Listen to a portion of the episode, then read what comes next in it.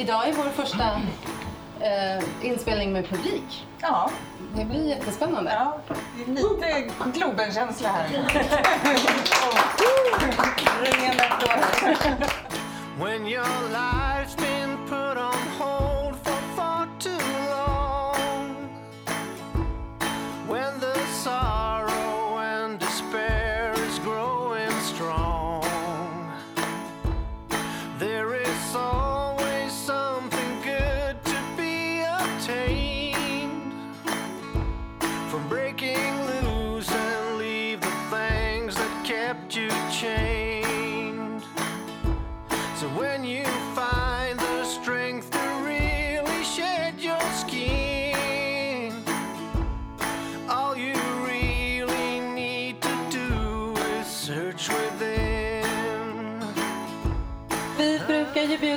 Intressanta gäster som får berätta om en eh, spännande resa och människor som har valt eh, att gå sin egen väg helt enkelt.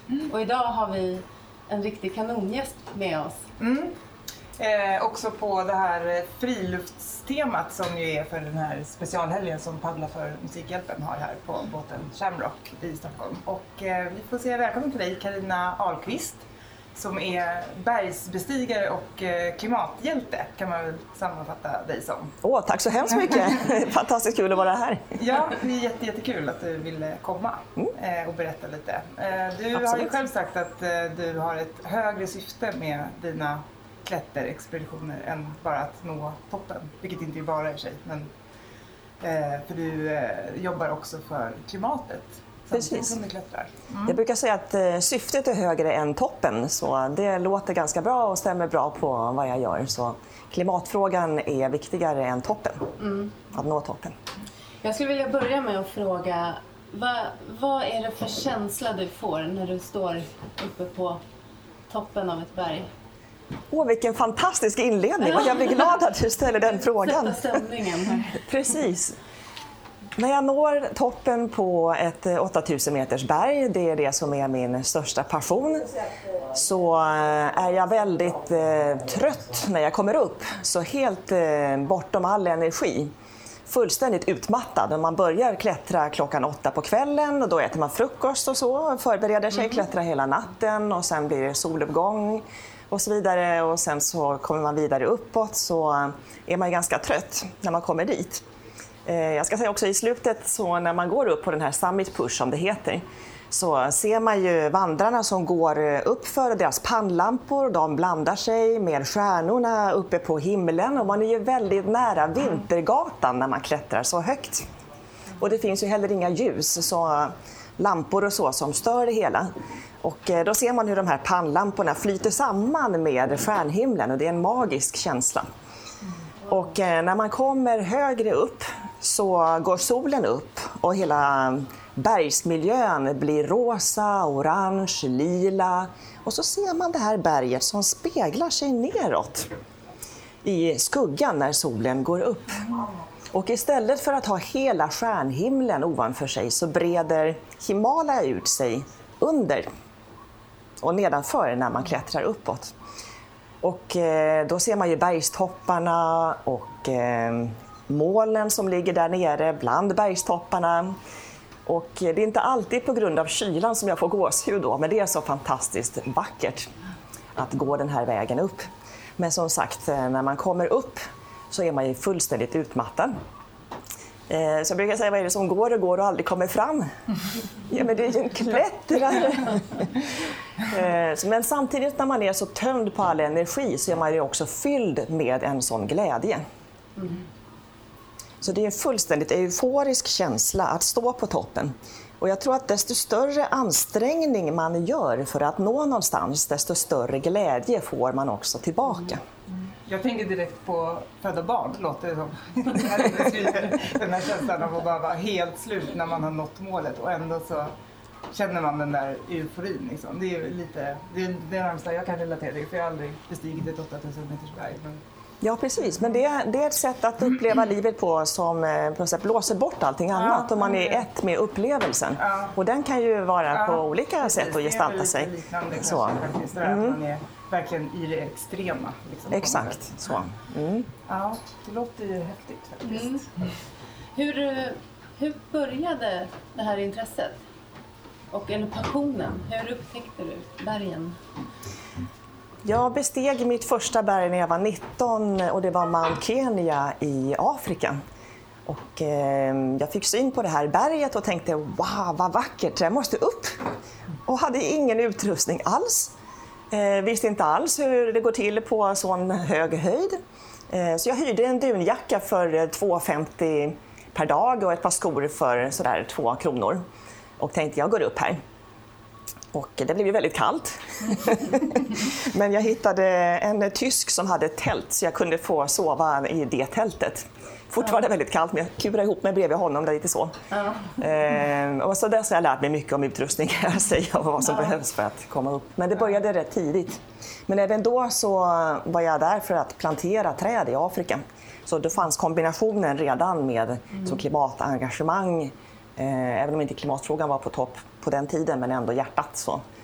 Ehm, och också bestigningen av berg. Sen har det blivit många berg på resans gång där. Men och det här klimatengagemanget, det har du haft med dig liksom, sen väldigt tidig ålder? Eller hur- ja, hur började det? Ja, det har alltid funnits där och eh, jag kanske var någon sån ursprungsbefolkning eller någonting i mitt förra liv eller något, men det har alltid känts naturligt att planeten är mitt hem. Och eh, när jag var sådär 6-7 år så satt jag och plockade fimpar och, och glasbitar och, och så vidare ute, bara för att liksom, gräset skulle få växa. Och eh, det var som en vision när det här ljusgröna gräset började växa upp. Och det var sån skillnad att se vad jag kunde göra, bara en liten gräsplätt. Men när man är 6-7 år så är det helt fantastiskt. Och det där har verkligen satt sig, som jag har tagit med mig som en vision, vad, vad jag vill och vad jag kan göra för någonting. Mm, men ehm, kan du berätta liksom lite mer om bakgrunden till det här som du gör nu som ju är ganska extrema expeditioner eh, där du bestiger 8000 meters berg. Det har väl blivit din speciella lilla nisch kan man säga. Ehm, för du eh, gick ju in i väggen eller vad man ska säga. Eh, hade en rejäl liksom, krasch i ditt liv för eh, det var 2009 va? Kan du berätta lite, och sen efter det så har det här liksom växt fram med de här mer eh, extrema expeditionerna som du gör. Mm. Kan du berätta lite om liksom, hur, vad som hände? Precis. Jag har alltid tyckt om att göra mycket och försöka leva fullt ut på olika sätt och engagera mig och så vidare. Så, ehm, jag gick på och studerade på universitetet så läste jag som mest två heltidskurser och en halvtidskurs. Och jobbade för att slippa ta studielån och tog körkort samtidigt. Och det gick bra. Eh, Så tempot har alltid på olika sätt varit högt, att vilja mycket. Eh, Ganska höga krav på mig själv också. Eh, Och 2009 så hade jag fullt upp med eh, alla möjliga andra saker. Och ehm, då arbetade jag 50 timmar i veckan på ett konsultföretag vid Stureplan, för det skulle man göra. Eh, Jag studerade i Uppsala universitet på halvtid, eh, läste ekonomi Samtidigt? samtidigt. Och samtidigt så var jag med i en arbetsgrupp för projektmetodik, varannan veckas möten. Ehm, Och sen var jag ensamstående mamma med en tonårspojke. Eh, och jag arrangerade en projektledarkonferens med 100 chefer samtidigt. Och var med i en föräldragrupp för skolavslutningen för min son. Eh, sen var jag med i styrelsen i en bostadsrättsförening och tränade två till tre gånger i veckan förstås. Och eh, sen fick jag faktiskt en diagnos om potentiell bröstcancer mitt i det här. Med en förestående operation och så skulle jag på ett nytt konsultuppdrag i Örebro samtidigt. Och det här blev då lite mycket. Ja, det låter ju onekligen Så, ehm, ja. omänskligt faktiskt. Precis, så det var väl liksom toppen när jag maxade själv vad jag kunde prestera och leverera. Så. Eh, och på en chefskonferens som jag var med då och ordnade så fick jag liksom luckor när jag tänkte, när jag skulle prata och kände inte riktigt igen, jag hittade inte tråden emellan. Det var som att befinna sig i en stor rymd, som ett stort vakuum. Och ni vet när en dator går ner, kraschar, så blir det ju helt svart. Och för mig så kunde jag se människor runt omkring mig på konferensen. Jag kunde inte ta till mig vad som hände. Nej. Jag såg att de pratade, de stod framför mig och pratade, men jag hörde inte vad de sa. Det låter ju som en mardröm verkligen. Det var en, en liten annorlunda upplevelse. Ja. Och eh, till slut så kunde jag inte agera på något sätt. Så um, det ledde till en sjukskrivning på åtta månader. Som var ganska dramatiskt. Jag tappade talförmågan så jag kunde inte prata. Men alltså, mär- märktes det där och då, när, när det här hände? På den här, märkte de andra på dig? Eh, Alltså, eller kunde du fortfarande liksom... Men jag blev helt paralyserad så Ah, de fick hjälpa mig därifrån. För allting bara stannade så jag kunde inte tänka hur jag skulle gå eller någonting. Nej. Så för min del blev det väldigt eh, dramatisk eh, kakelbekantskap. Ja. Eh, jag hade ju inte varit förkyld och borta från jobbet en dag på fem år. Så sjukskrivning i åtta månader var ju en väldigt lång period. Ja. Men vet ni? Det här var faktiskt det absolut bästa som har hänt mig i mitt liv. Fast det var så dramatiskt och så en omtumlande upplevelse så var det ju ändå då jag kunde stanna upp. Du blev liksom tvingad att göra det. Ja. Brutalt då. Precis. Och hitta tillbaka till vad som egentligen är viktigt. Och då tänker jag att det är inte det här massiva görandet, att springa så fort man kan, som ert eh, ekorrhjul symboliserar väldigt bra. Att ta sig an så mycket som möjligt, det är inte det viktigaste egentligen. Utan jag tänker att det var att stanna upp och uppleva vad som är meningsfullt. Och då kom jag tillbaka till tankarna kring vad jag gjorde tidigare. Vad jag blev lycklig av egentligen. Och jag brukar säga att det finns en människa som vi lever med hela livet. Och vem är det? Det är en själv då. Det är jag själv. Och då kan det ju inte vara upp till andra att definiera vad som gör mig lycklig och vad jag ska ägna mitt liv åt. Men det låter för mig som att du hade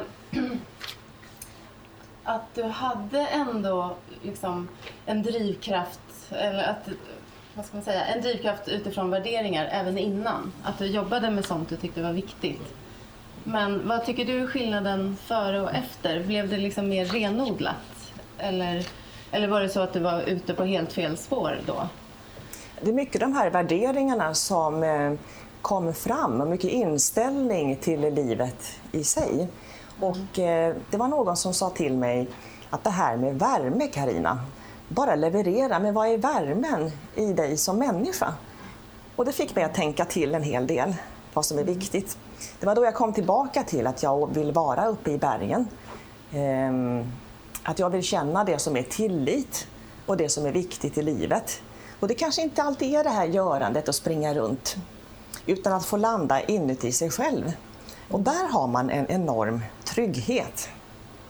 Ja, förhoppningsvis, om man liksom är trygg i sig själv så har man ju det. Ja, precis. Och jag brukar säga att mod är ju att våga möta sig själv. Och det är ju en resa naturligtvis. Men eh, det kan ju liknas vid en berg och dalbana tänker jag. När man är uppe och ska leverera utanför sig själv och det går jättebra om man åker upp och sen åker man plötsligt långt ner och folk tycker att man gör kanske någonting som inte är så bra. Så åker ju värde, alltså värdet på en själv upp och ner beroende på prestation och vad man levererar många gånger. Men bakom allt det här så finns det ju en människa som eh, har en mer så att säga, stabilt balanserat, andligt nästan, skulle man i vissa fall säga, eh, bara varande. Och hittar man till det så gör det inte så mycket om det går upp och ner Nej, på livets bana. Nej. Så den, den var väldigt viktig för hur, mig.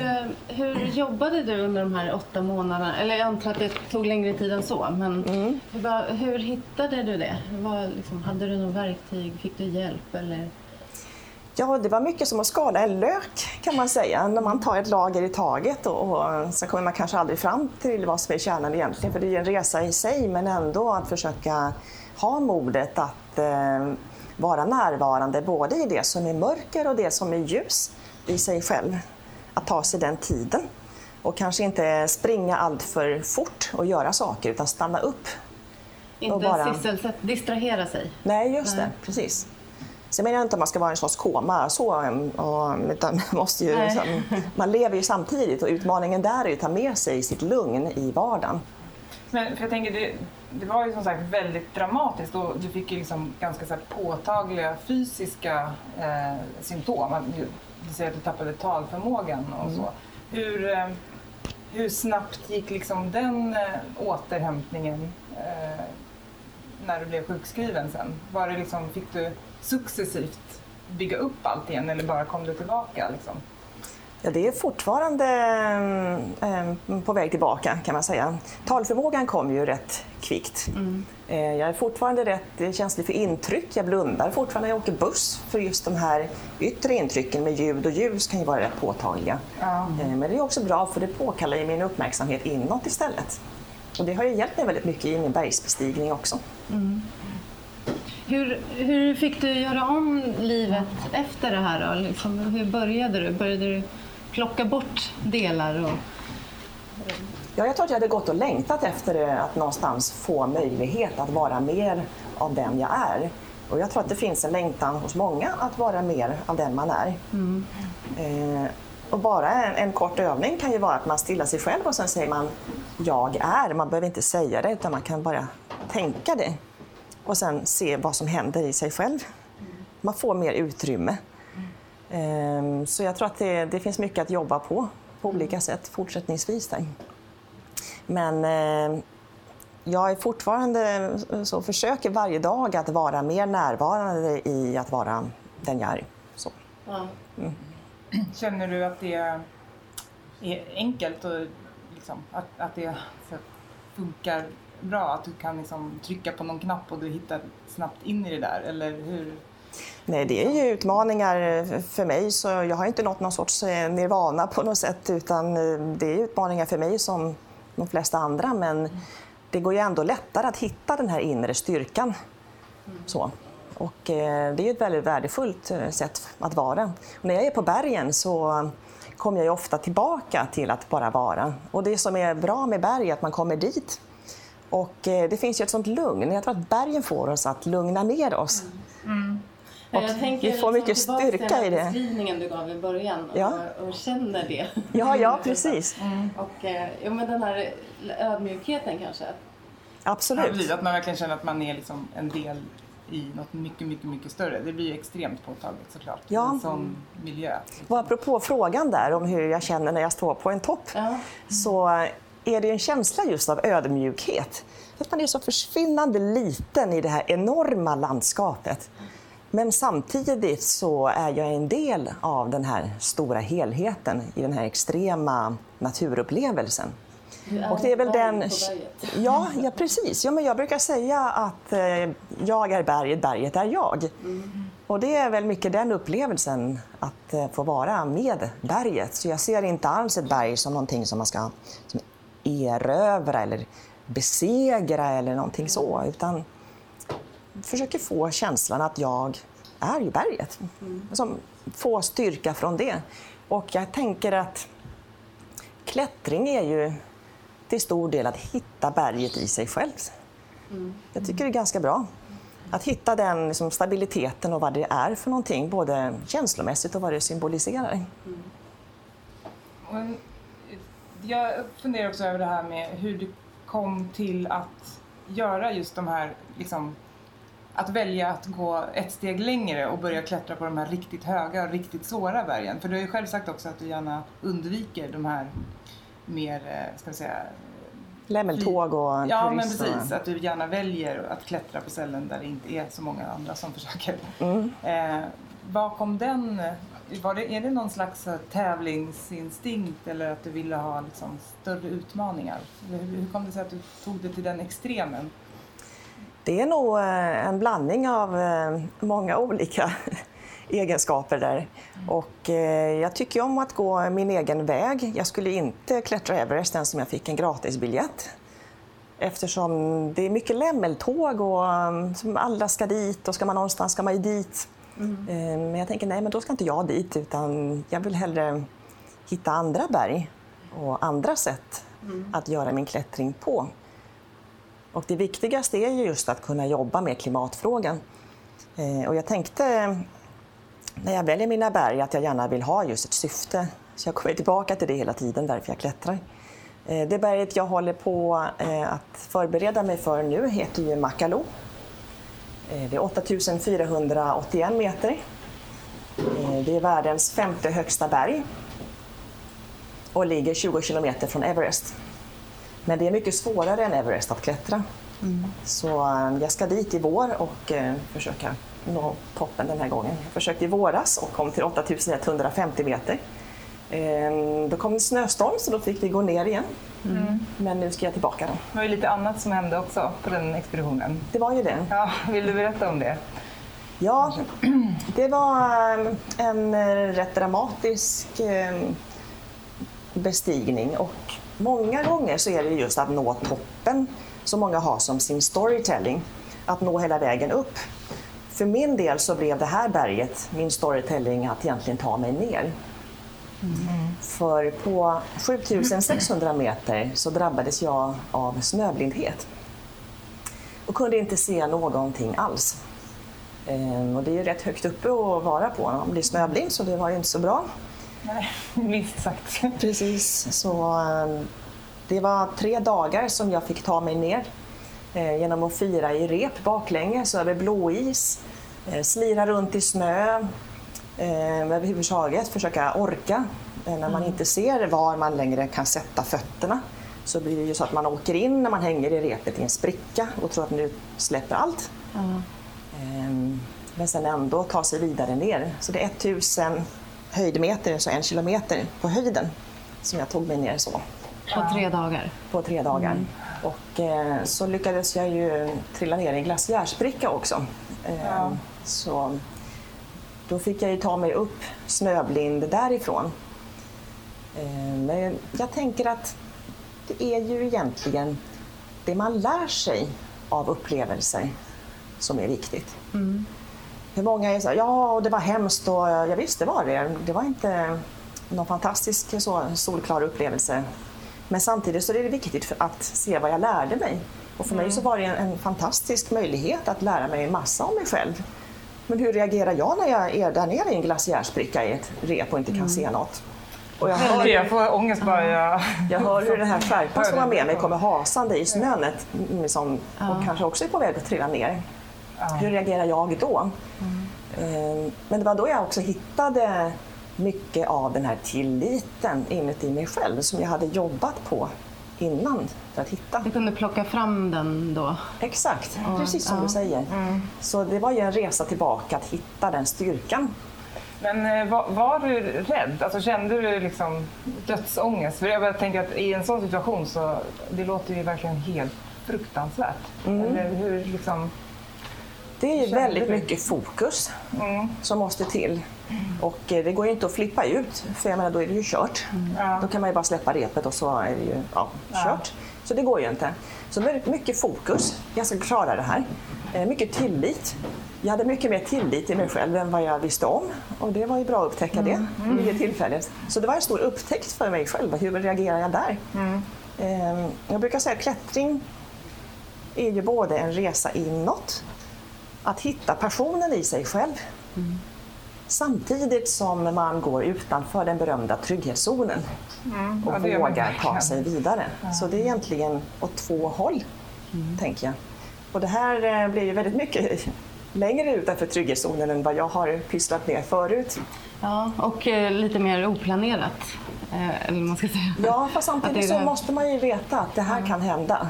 Eh, annars är det liksom nästan naivt att ge sig upp just på sådana här berg. Så man måste ju veta hur man gör och med förbundna ögon, i det här fallet inga ögon alls, veta hur tar jag mig upp.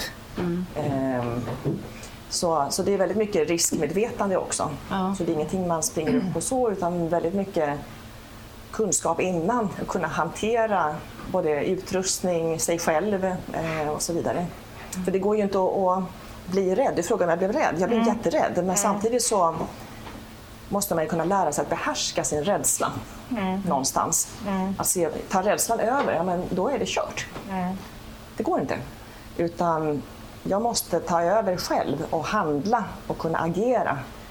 Ehm, och eh, jag kom ju upp så uppenbarligen gick det ju Du, du grejade det. bra. Jag tänker att det inte, det där vet man ju liksom inte förrän man hamnar i en sån situation, hur Nej. man reagerar. Om man faktiskt klarar av att liksom lägga band på den där paniken och istället bli liksom, Fokuserad. ja, fokuserad och, och handla. Eller om man, blir, om man får panik och liksom, ja. Så det var ju lite en nära döden-upplevelse, men det var ju också jag säger, en nära livet-upplevelse. Mm. ja, det blev det. Jag tycker väldigt mycket om det uttrycket, för eh, det är mycket att komma närmare livet i, i sig, i olika bemärkelser. Ehm, Och där tänker jag också att vara någonstans där man kanske inte har just så mycket prylar och saker som man har när man är liksom i civilisationen, utan när man är där uppe då lever man i ett tält som är ett par millimeter och det är det som skiljer dig från hela bergsmiljön. Och det som kan vara där uppe är vindar som är lika snabba som bilar på en motorväg. Det kan vara lika kallt som att du sitter i en frys. Och det finns lika lite syre som du sätter en halsduk framför näsan och försöker springa. Så det är en väldigt utmanande situation att vara i. Men samtidigt så, så är det där som jag kan känna mig mera levande. Och det är också intressant att liksom, ju färre saker och prylar jag har, desto mer man skalar bort på olika sätt, ju mer utrymme har man ju för sig själv. Och jag tror att när man håller på med bergsbestigning så måste man dels kunna behärska det här med att vara i osäkerhet. Det finns ju ingenting som säger att jag ska nå toppen. Men om jag visste att jag skulle nå toppen, då vore det ju inget äventyr. Nej. Om någon tog en helikopter och flög upp mig och sen ner, jag menar, vad vore det? Det är resan som är målet. Precis, och sen samtidigt kunna hantera det här med vad man kallar för misslyckande. Och vad är det egentligen? Att eh, försöka att ta sig framåt och vidare och verkligen kämpa för någonting. Det tycker jag är ett värde i sig. Men det finns ju också det att man inte kanske når toppen, om det nu skulle vara någon egen, liksom, eget värde. Så. Ja, Eh, för det skulle ju vara ett, liksom, ett misslyckande i, i det här sammanhanget då, att inte komma hela vägen upp. Mm. Liksom. Men, men det känns inte så när du är där, eller om du får avbryta till exempel, som sist då. Ja, som bestigare så vill jag ju förstås jättegärna nå toppen, men eh, dels så är ju det här med syftet det viktigaste Ja. och också att få liksom, umgås med berget. Men ser du på det här som ett misslyckande eller är det bara liksom en, eh, ja, en, en lärdom, alltså så här i efterhand? Jag tänker eftersom du ska göra en ny expedition nu och verkligen försöka nå hela vägen upp. Just det. Hur, hur kände Det är du som- liksom efteråt, efter att det här hade hänt? Det är som eh, Nelson Mandela sa, either I learn, I don't fail eh, and I come back and succeed or learn more. Ja. Jag tycker den är ganska bra. Att liksom, fokusera på vad kan jag få ut av det här. Det är väldigt mycket inställning. Att inte fastna någonstans utan bearbeta det man har. Tre saker varje expedition minst. Vad har jag lärt mig? Hur tar jag mig vidare? Och inte älta det som var utan försöka ta sig vidare. Och det tror jag är applicerbart liksom, var man befinner sig än i livet. Mm, men det är ju väldigt mycket så här personlig utveckling då genom liksom, de här klätter Varje mountain. Ja, precis. Egentligen, som du pratar om. Faktiskt. Jag skulle vilja gå tillbaka lite till, för du fortsatte jobba på samma jobb efter du kom tillbaks från sjukskrivningen eh, några år till, eller hur? Nå, jag sa upp mig ganska snabbt sen. Du gjorde det? Ja, för jag kom på att det där, det där, det där var inte någonting jag ville hålla på med alls. Så, eh, så jag brukar säga att jag bytte min kritstrecksrandiga kostym på Stureplan mot min popcorn One Piece orangefärgade dundräkt på berget. Eh, och ägnade mig åt det istället. Så jag försökte verkligen byta livsväg och göra ett val där. Eh, att få utrymme. Och det tror jag upp till var och en att liksom försöka hitta sin egen väg för det är ju som sagt sig själv man lever med. Eh, Men jag tror inte på det där vanliga att ja, hitta dina mål och ta dig dit och eh, så, utan någonstans så får man ju se vad är det som behövs. Och jag tror mycket på det där med tillit.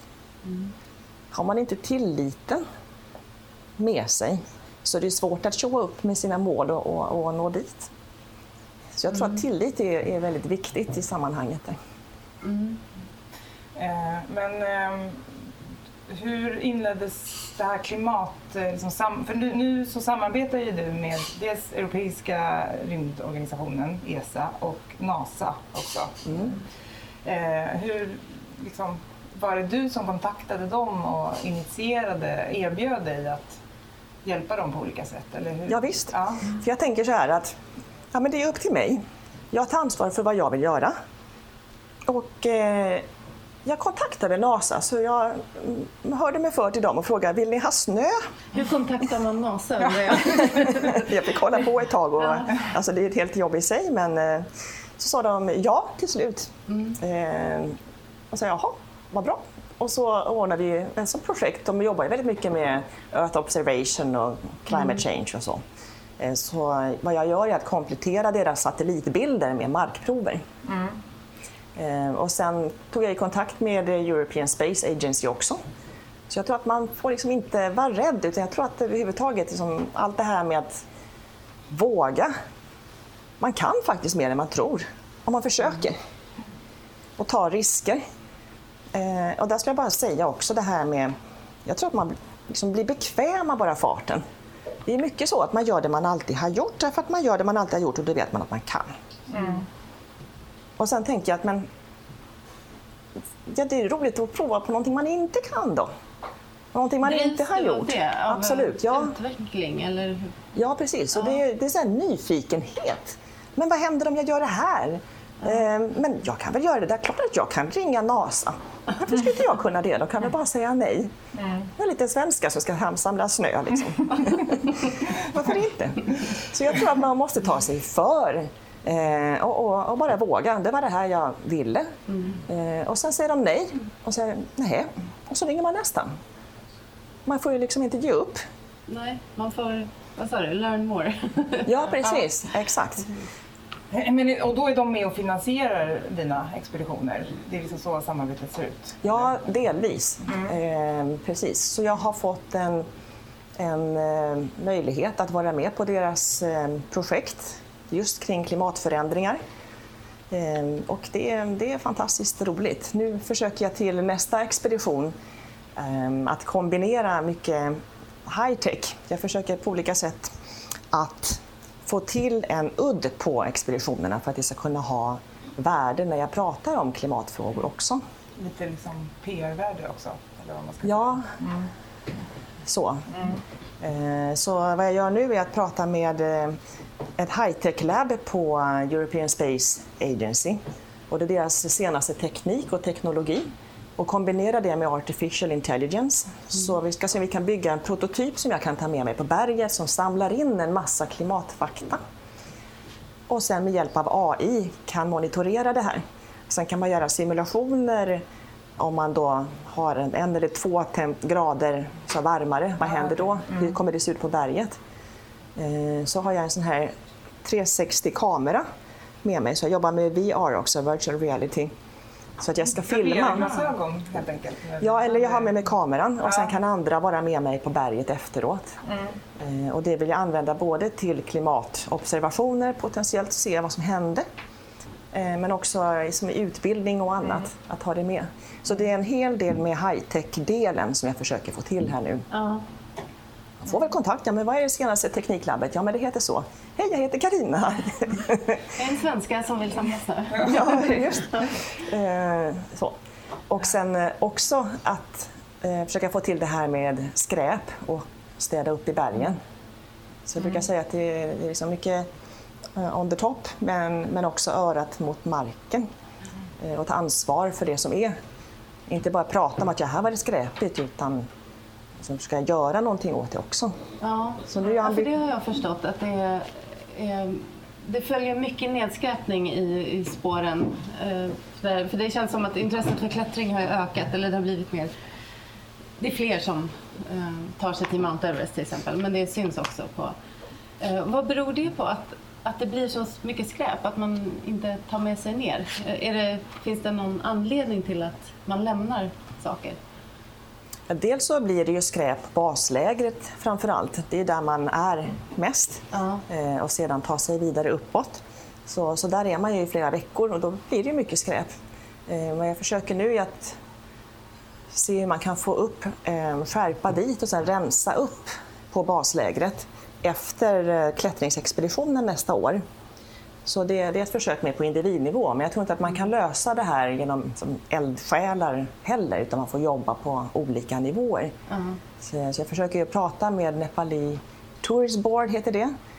Och, eh, det finns en, en speciell avgift som varje expedition lämnar som man eh, som får tillbaka, deposit fee, när man kommer tillbaka man liksom har tagit ner sitt skräp. Men det där skräpet tas inte alltid ner. Men de får ändå tillbaka den här avgiften? Ja, och då var jag eh, här, ledare för vår expedition och vägrade att skriva på de här papperna. Och då var det lite upprört bakom slipsarna och lite så. Ehm, Men att verkligen försöka på olika nivåer stå på sig, som skriva artiklar i tidningen på Himalayan Times, som är den största tidningen på deras webb, som når 29 miljoner. Eh, Försöka på som olika sätt att nå ut där, uppmärksamma det här. Men jag, jag är en sån här västerlänning som kommer dit. Jag är en sorts turist, visst. Eh, Men jag vill inte att det ska vara skräpigt. Jag har respekt för bergen, jag har respekt för människorna som bor här. Så det är inte bara att gå dit och, och skräpa ner, utan jag vill ta med mig så, så mycket som möjligt, så det är mindre skräp där. Så jag har ju varit och träffat byar och pratat med befolkningen där, eh, också lärare som undervisar för barn så att man ska försöka få en dialog. Så jag har fortfarande en dialog med flera byar i Nepal. Försöka påverka på olika Öka sätt. kunskapen och... Ja, precis. Och det, de, är, de är väldigt kunniga många gånger, så det är som entusiastiska och så. Känner du att du har framgång i det arbetet? Liksom, att det händer saker i rätt riktning? Så att säga? Ja, jag försöker ge stöd på olika sätt. Som de bygger ju solpaneler och sätter upp och försöker sälja vatten som är renat istället för de här plastflaskor som kommer ut i, i naturen och det. Så att man fyller på sin egen, de destillerar som rena vattnet.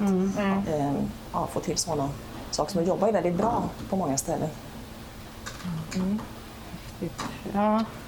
Ja, för du berättade också eh, att när vi sågs ju åt lunch eh, eh, för några dagar sedan och då berättade du att du alltid har med dig här att du också pratar med när du till exempel eh, går in på ställen och de har plastsugrör så liksom, tar du den diskussionen och frågar varför har ni de här? Kan ni inte byta ut det mot något mer eh, liksom, miljövänligt? Och, alltså, att i, I alla sådana situationer. Och det, låter ju, det måste ju vara Alltså, blir blir du aldrig liksom uppgiven och trött och bara, äh, nu orkar jag inte ta den här diskussionen en gång till?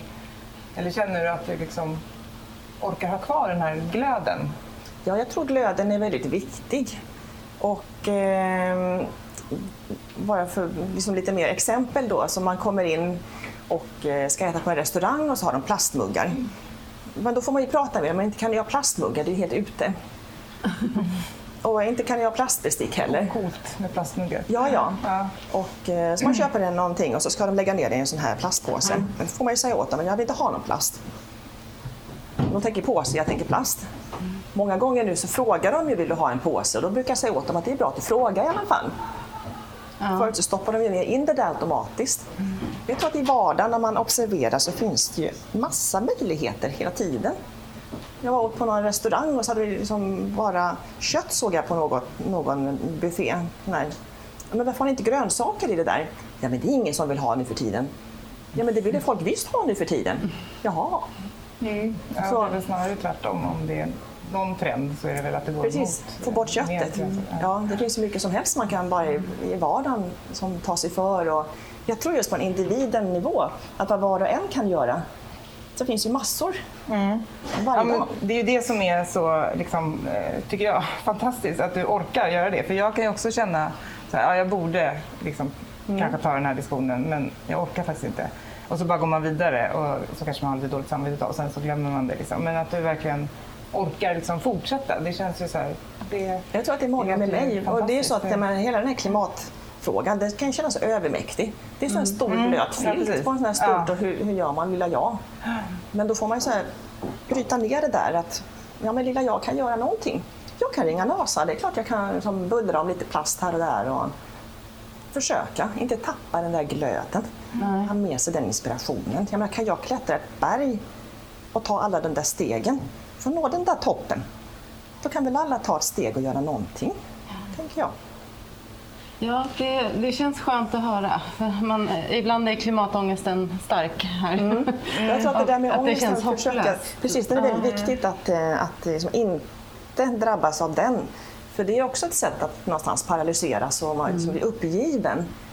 Ehm, Men då brukar jag tänka att ja, men om nu planeten är hemmet, då är det ju där man verkligen vill vara. Och då får man ta hand om sitt hem. Och det är vackert. Och jag kommer att ordna en, eh, ett klimatevent den 24 januari. Ja. Eh, Det är mitt första klimatevent jag ordnar. Det är på Biograf Victoria. Och då har jag fått med mig NASA. Så kunna hantera, inte sån brist på kontroll, utan kunna hantera sin situation. Eh, Och just att ha ett sammanhang och en meningsfullhet. Och den där meningsfullheten är ju väldigt viktig i sig. Man har ju till och med upptäckt i näringslivet nu och kallar för ehm, Corporate Purpose Manager finns det någon sån här, man kan googla på olika sån här Purpose Corporation och sån här. Eh, Så det kommer med att försöka föra in det för att få liksom, sin personal att känna sig mer så närvarande på jobbet och stanna kvar och sådana saker. Eh, Det finns ju också det här The Meaningful Brand. Som vilket, vilket varumärke man har, det kan vara varumärkesstärkande i sig. Ja, precis. Så på tio år så är det ju en 206 procent av varumärkena som har liksom gått mycket bättre än vanliga börsen. Bara för att de har liksom meningsfullhet. Så. Eh, jag är inte så bra på siffror men det här lyckades jag lära mig nu i- igår kväll när jag tittade igenom det här igen. Eh, Okej, och som har, eh, alltså, är det kopplat till hållbarhet då? Liksom? Det kan ju vara både liksom, eh, miljösidan men också att de engagerar sig för ja, olika folkgrupper på olika sätt och sånt. Att det finns en annan aspekt än bara kränga. Ja, men det känns ju som att eh, liksom, folk söker det mer och mer. Ja, Eh. Det är liksom verkligen en växande tendens att man börjar känna att här, oj, vi måste kanske stoppa upp lite och liksom, ja, försöka hitta. Men, Jag ska säga att livskvalitet är också mycket att få, att få vara uppe i bergen. ja, Det är ju där jag är lycklig. Jag längtar dit varje dag. Jag undrar varje dag vad jag gör här. ja, för jag tänker, hur, hur balanserar du de här olika liven? För du, du kan ju kanske inte vara i bergen då varje dag, som sagt. För du, du eh, är också ute och föreläser. Och, Mm. Men hur, hur hittar du din balans? Mellan Jag längtar dem? dit varje dag. Det är ju där jag känner mig hemma. Jag känner mig inte riktigt hemma här och undrar varje dag vad jag gör här. Ehm, Så jag försöker ju att, att hitta den här balansen med att eh, ha någonting att se fram emot och försöka ha den här långsiktigheten. Ehm, Och nu är din nästa expedition i I april, ja. april ja. Precis. Och då ska du upp på den här toppen i tanken. Just det. Och där är väldigt mycket, som uthållighet är ju viktigt. Och tålamod lär man sig när man får sitta ett par veckor i ett tält och vänta på bra väder. Men det är viktigt att skilja på uthållighet och att uthärda någonting. Ja, Uthärda det är ju som ofta skuldbeläggande Ja, och jobbigt. Det är och, inte så, precis, inte så njutningsfullt. Nej, Liksom. precis. Mycket offerkänsla Ja. och sånt. Men, eh, men just uthållighet är ju viktigt. Att liksom kunna vara uthållig i det man gör så att man inte ger upp. Så vill man bestiga ett berg så måste man vara liksom väldigt målmedveten Ja. och kunna ta sig dit. Så det gäller att ge upp göra upp en plan. Eh, även som, Ja. som ett projekt, hur Det man tar sig dit med paralleller. milestones och, och vad som nu behövs. Vad är det som gynnar mig för att komma dit så man inte ger upp dagen därpå. Ja, för du brukar säga att du, du vill inspirera andra att, att nå sina egna toppar, som man säger. Ehm, och vad skulle du vilja, hur, vilka paralleller kan du dra från en, en 8000 meters expedition och ett vanligt vardagsliv? Liksom, hur, vad skulle du vilja skicka med? Som, hur man kan tänka Finns det några paralleller däremellan? Jag tror mycket just på att eh, liksom hitta sin tillit, att sätta upp mål, att titta hur realistiska är de här målen. Eh, kanske inte ska åka till månen utan kan hitta någonting annat. Men att också börja ta sig ditåt, steg för steg. Och där tror jag att man inte sätter begränsningar för sig själv utan att se vad är möjligt istället. Man brukar ju säga att eh, liksom, lär känna dina vänner med dina fiender ännu bättre. var det någon sån här kinesisk general som sa.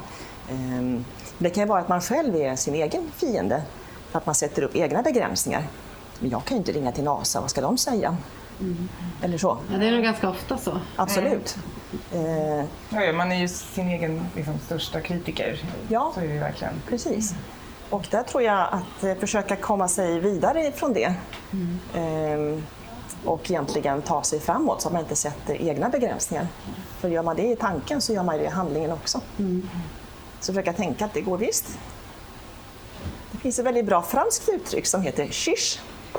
Och det är så här, Kort och koncist. kan du inte? Jo men du kan visst lite sådär med glimten i ögat. Lite, eller Ja. låter det nästan som. Ja, lite grann, lite Ja. grann så. Precis, Ja. lite mer kraft bakom er, kanske just i sådär finska. Jag är halvfinska så det kanske är... Jaha, okej. ja. Men jag säger men du kan visst, kan du, kan du inte? Du kan visst liksom, lite sådär lekfullt. Ja. Och den, den tror jag är bra. Ja. Den gillar jag.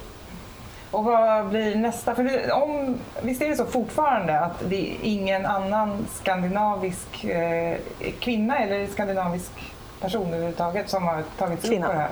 Kvinna. Ja. Så att om du klarar det så blir du den första skandinaviskan som har kommit upp där på Mount Makalu. Just det. Eh, vad blir nästa? Har du redan liksom en ny expedition i tankarna efter det? Eller hur? Nej, nu tar jag det här i första hand. Ja. Och jag tänker ju liksom poängen med att nå toppen att jag vill spela in ett budskap då för planeten på toppen. Så det var ju förra gången också och då låg jag i tältet och hade det som ett mantra på kvällen sådär. Man går igenom vad man ska säga. För man blir lite knäpp när man är där uppe för det är så lite syre. Som, man, som glömmer bort det mesta. Och vad man gör, gör och vad man är. Så då brukar jag ligga och repetera det på kvällen när jag skulle sova. Så jag kan säga det när jag kommer upp. Då får jag försöka ta det nästa år istället. Så det är det som är poängen med att komma, komma dit Ja. upp. Liksom. Att försöka spela in någonting som jag sen kan få outreach på senare för att inspirera andra. Liksom. Men det är hemligt, eller Ja, vad du ska säga? ja, jag ska inte ta det nu. Inte spoila. Ja, det är inte så mycket så här, åh vad jag är cool som står på den här toppen. Titta på mig vad jag lyckades ta mig hit. Liksom, utan det är Det mer det handlar inte om dig i första hand. Nej, jag tycker att om jag står på någon topp eller inte, det är så här fullständigt oväsentligt. Mm, men Alltså, det- det, det, är, det är kul om jag lyckas så, men, men jag vill ju ha det här. Ja, det Sammanhanget. syftet, Liksom. Ja, just det. Det tror jag. Ja, men eh, då får vi väl verkligen Ja. önska dig jättestort lycka till. Tack så vi, vi hemskt kommer ju mycket. följa det här med stor spänning Ja. såklart. Vi sa ju Eh. innan att vi, ingen av oss har riktigt känt någon lockelse till den typen av bergsklättring. Men nu efter att ha suttit och pratat med dig och hört din, din beskrivning av, av vad, vad upplevelsen innebär så känner jag att jag är lite sugen på att lära mig mer om det här. Ja, men vi har, vi har möjlighet att följa med på vandringen till basläger ska jag säga också. Jag har ju forskare som Ja. är från Stockholm Resilience Center som har kontaktat mig och frågat. Så, så håller de se om det är möjligt att följa med dit. Eh, Så jag har en liten grupp. Och han Ja. som är chef för Artificial Intelligence sa ja, men jag, jag, jag kanske ska följa med också. Ja, okej. Så, det blir jag en har lite liten, team. Får har jag team? liksom fanbase där på, i baslägret. Det kanske blir Ja, lite grann. vår har- nya riktning. Ja, jag, tror, jag är nog mer inne på att bara Följa med Ja, på men distans. jag skulle gärna bara, som du beskrev, att placera mig där på toppen och se den där vinytan. Alltså, jag kände det lite för tufft för mig. Låter det som. Men, Men, eh, ja, men Ja, kanske. stort tack för att du ville vara med och berätta hur det är där uppe över 8000 meters höjd. Tack så Och jättemycket Stort lycka komma. till framöver. ja, Jättestort tack. ja. Namaste. Tack.